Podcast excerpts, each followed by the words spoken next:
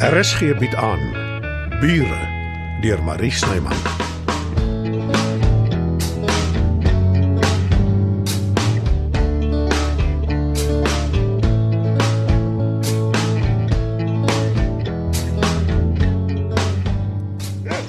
Bly om my te sien, Wixie. Genade, dit lyk asof ons sommer stukke beter geword het in die ruk wat ek uit was. Ek hoop nie dis omdat jy vir hom vir 'n struisbiltong gevoer het nie. Nee, ek weet mos daar's hoender en rys op die spyskaart. Dan moet ek my woord gestaan doen. Dankie dat jy by hom gebly het. Uh, Matilda, Ja, ek was langsam en ja, ek en Marleen het vasgesit. nou vaar oor hierdie keer, ek meen Hoor reg. die duwe. Die slang wat gelok is hiernatoe en oor die tekere gaan ry en hulle simpel Airbnb. Het jy iets daaroor te sê? Ek het heelwat te sê daaroor, maar aangesien dit 'n mors van tyd is, groet ek nou maar eers. Ek sal later weer inloer op Bixie. Sê dit maar jy dink dit was verkeerd van my om haar te konfronteer.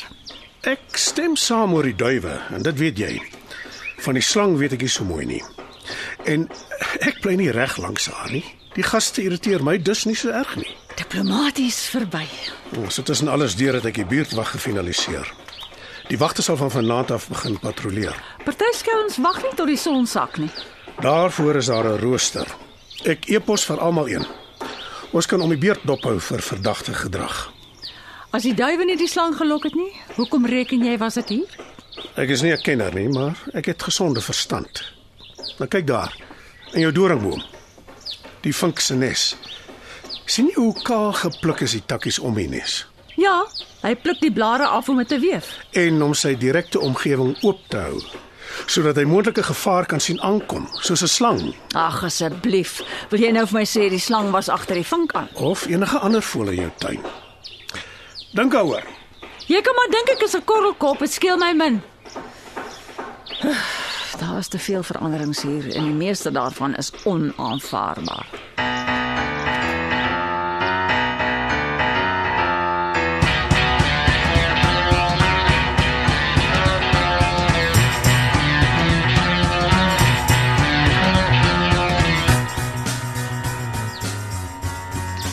Dis hom seker nie te vroeg vir 'n bier nie. Uh nee vir my nie, dankie. Nog steeds gesondheidsredes. Of is jy bang vir Marlene? Na wat ek aanskou het, is dit nie eers snaaks nie. So erg. Matilda het nie juist daaroor gepraat nie.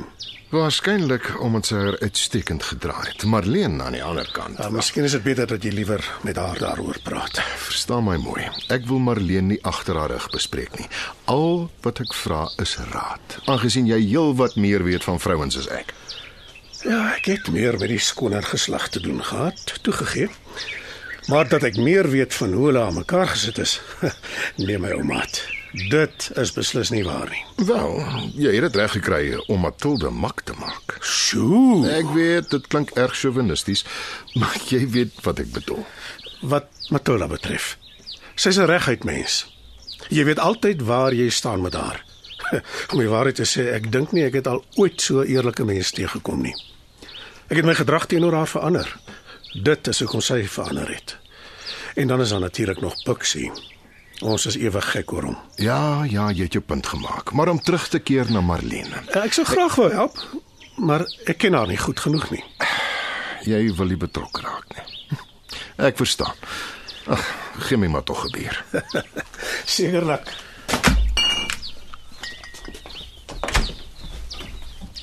Ek stem nie saam met Matilda oor die slang en duwe teorie nie. Hierso. Dankie. Sy weet dit ook. Ek het haar gesê.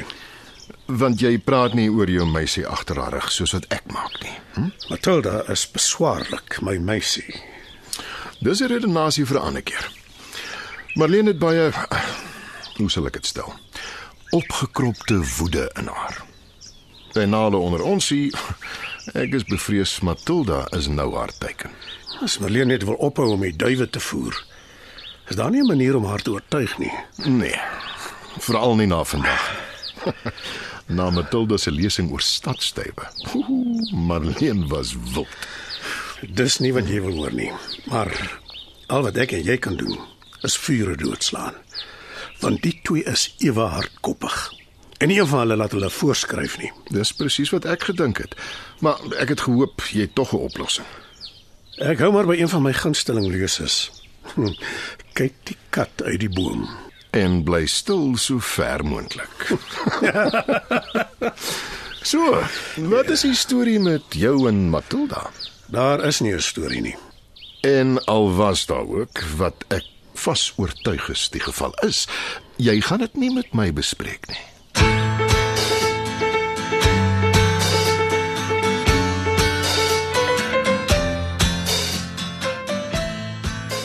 Middag Matilda. Jammer ek kom sommer so ingeloop. Jy doen dit al jare lank, Dita, dis hoe ons gewoond is. Dis waar.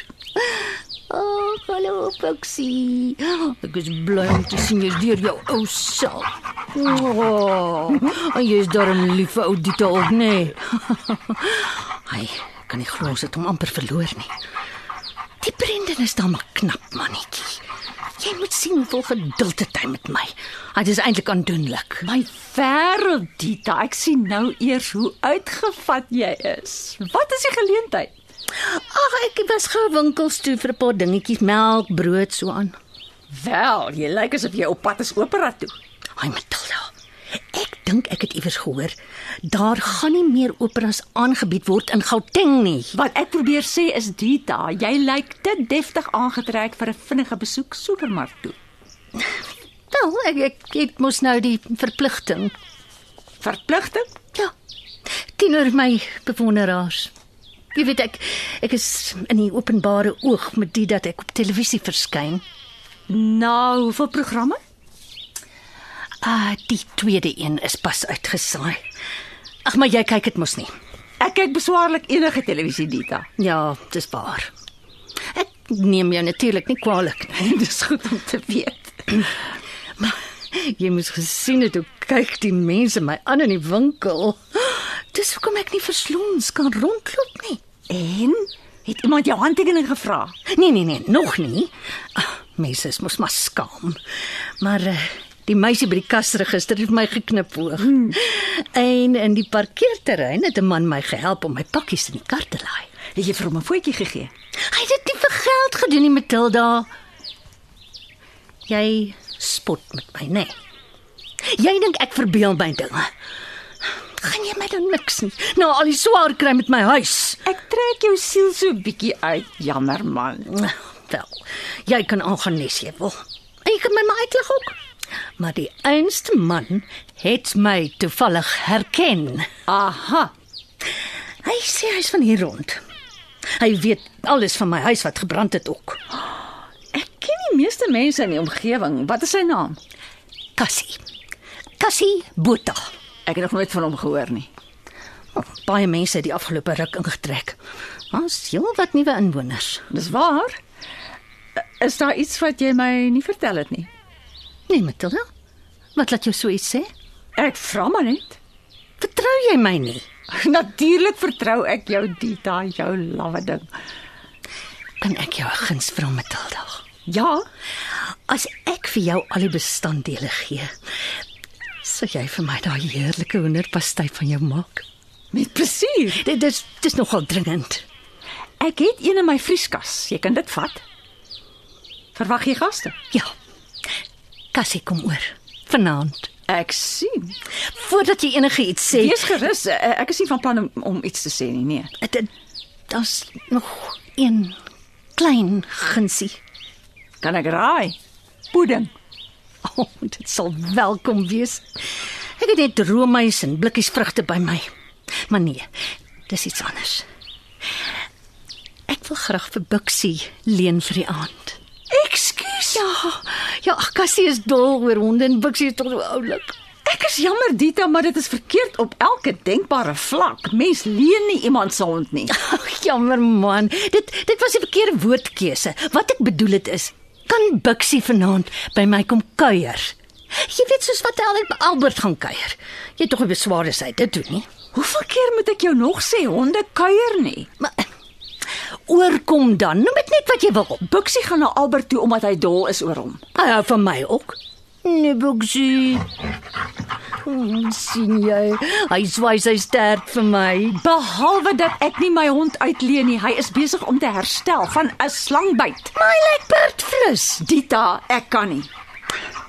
Los dit, Matilda. Vergeet ek het enige iets gevra. Eh, Behalwe die hoenderpastei natuurlik.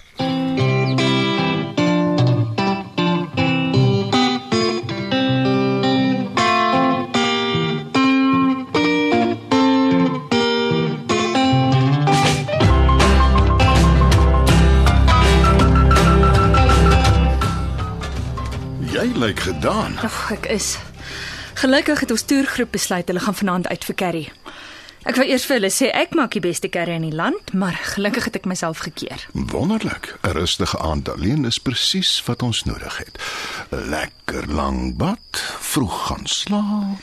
Ons moet wakker bly tot die gaste terugkom. Ah, natuurlik. Jammer, dis nou maar eenmal deel van die werk. Ja, ek weet. Ek sê jou wat. Jy kan vroeg gaan inkruip.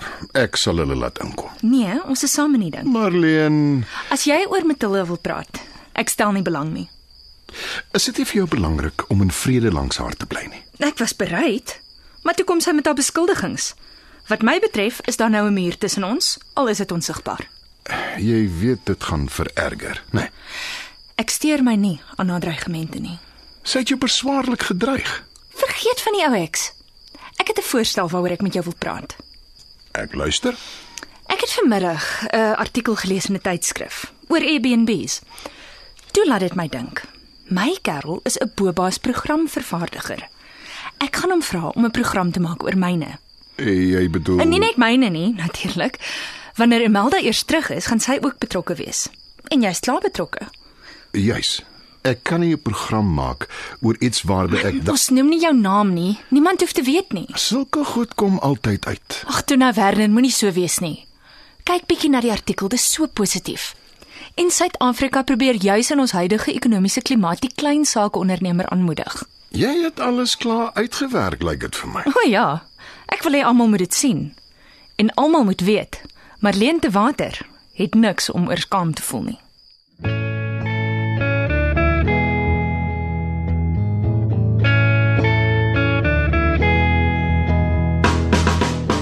Bure word in Johannesburg opgevoer deur Marie Snyman. Die tegniese versorging word behartig deur Bongie Thomas. Evert Snyman is verantwoordelik vir die musiek en byklanke. Bure is geskryf deur Marie Snyman.